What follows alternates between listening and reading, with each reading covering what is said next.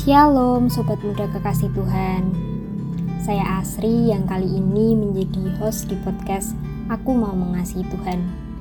Tentu Sobat Muda sudah sering mengikuti setiap episode dari podcast ini kan? Podcast yang dibuat oleh Wonogiri Student Revival atau WSR ini mengajak Sobat Muda untuk belajar mengasihi Tuhan. Podcast ini akan rilis setiap hari Jumat jam 3 sore jadi setialah mengikuti setiap episodenya ya. Jangan sampai ada yang terlewatkan, supaya sobat muda bisa belajar dengan lengkap dan juga bisa mengalaminya dalam hidup sobat muda semua. Nah, selama bulan Maret ini kita akan sama-sama belajar satu tema besar, yaitu belajar dari kitab Yunus.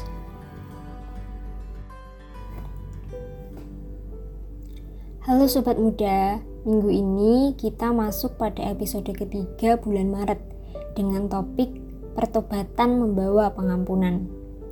Minggu lalu kita sudah belajar ya dari Yunus pasal yang kedua dengan topik jawaban doa di dalam keputusasaan.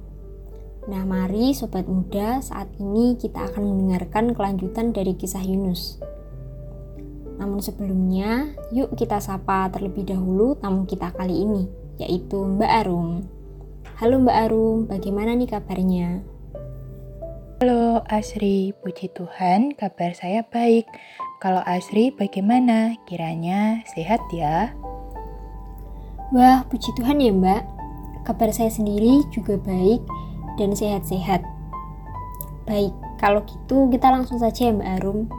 Karena saya dan pasti sobat muda sudah penasaran banget nih Mbak apa yang terjadi setelah ikan itu memuntahkan Yunus ke darat? Um, kira-kira apa ya yang akan terjadi, Asri dan Sobat Muda? Nah, di minggu lalu kita sudah mendengarkan bagaimana Yunus berseru kepada Allah melalui doa. Hari ini kita akan belajar dari kitab Yunus pasal 3. Setelah ikan itu memuntahkan Yunus ke darat, Tuhan berfirman untuk ke Niniwe dan menyampaikan firman Tuhan bahwa kota itu akan ditunggang balikkan. Mengapa Niniwe akan ditunggang balikkan? Pada Yunus 1 ayat 2, karena kejahatannya telah sampai kepadaku. Selain itu juga karena mereka memiliki tingkah laku jahat dan melakukan kekerasan, tertulis pada pasal 3 ayat 8. Niniwe itu merupakan kota yang besar, luasnya tiga hari perjalanan saat itu, mulailah Yunus masuk ke dalam kota seharian perjalanan jauhnya. Lalu berseru, 40 hari lagi maka Niniwe akan ditunggang balikkan. Dengan begitu, Yunus melakukan perintah Allah untuk menyampaikan firman-Nya ini kepada kota Niniwe atau orang-orang di Niniwe. Hmm, jadi setelah sempat melarikan diri dari perintah Allah dan mengalami keputusasaan, akhirnya Yunus melakukan perintahnya. Nah, saat itu Yunus menyampaikan firman Allah bahwa Niniwe akan ditunggang balikkan. Lalu bagaimana nih Mbak respon orang Niniwe pada waktu itu dengan apa yang disampaikan Yunus?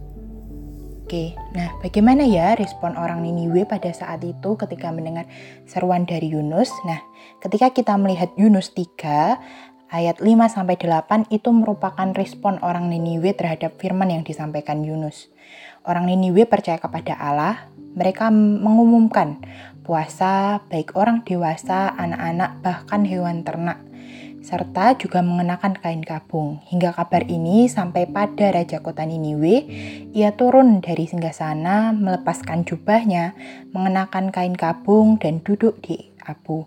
Selain melakukan hal tersebut, mereka harus berbalik atau bertobat dari tingkah laku yang jahat dan kekerasan yang dilakukan.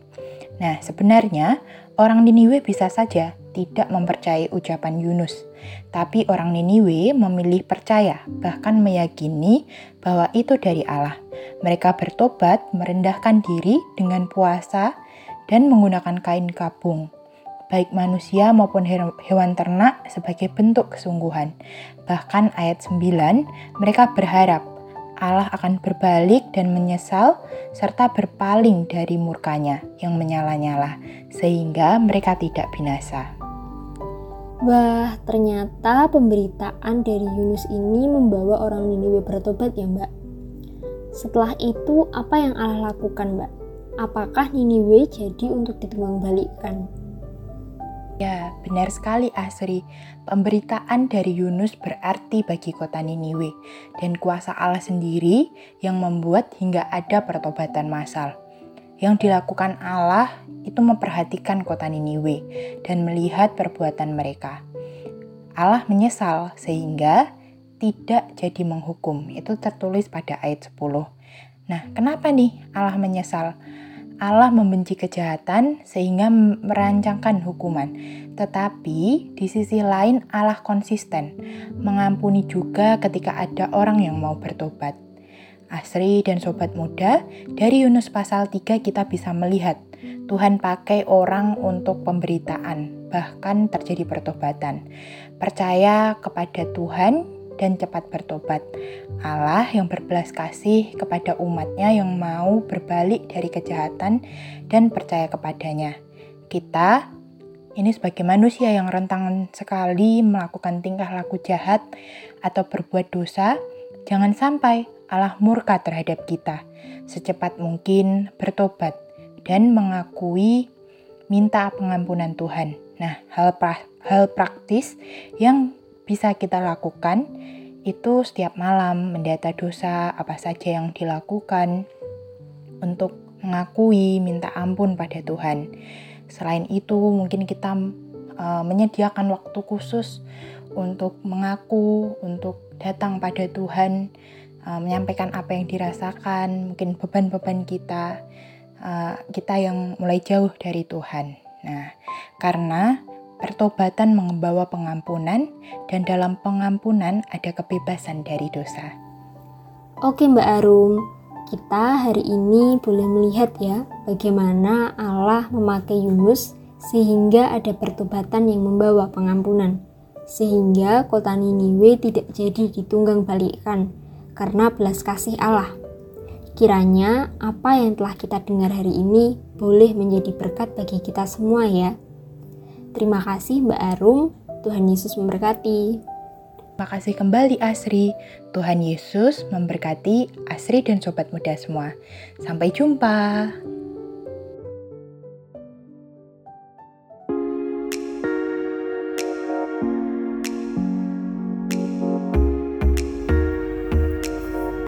Sobat muda, senang sekali ya hari ini kita bisa belajar bersama.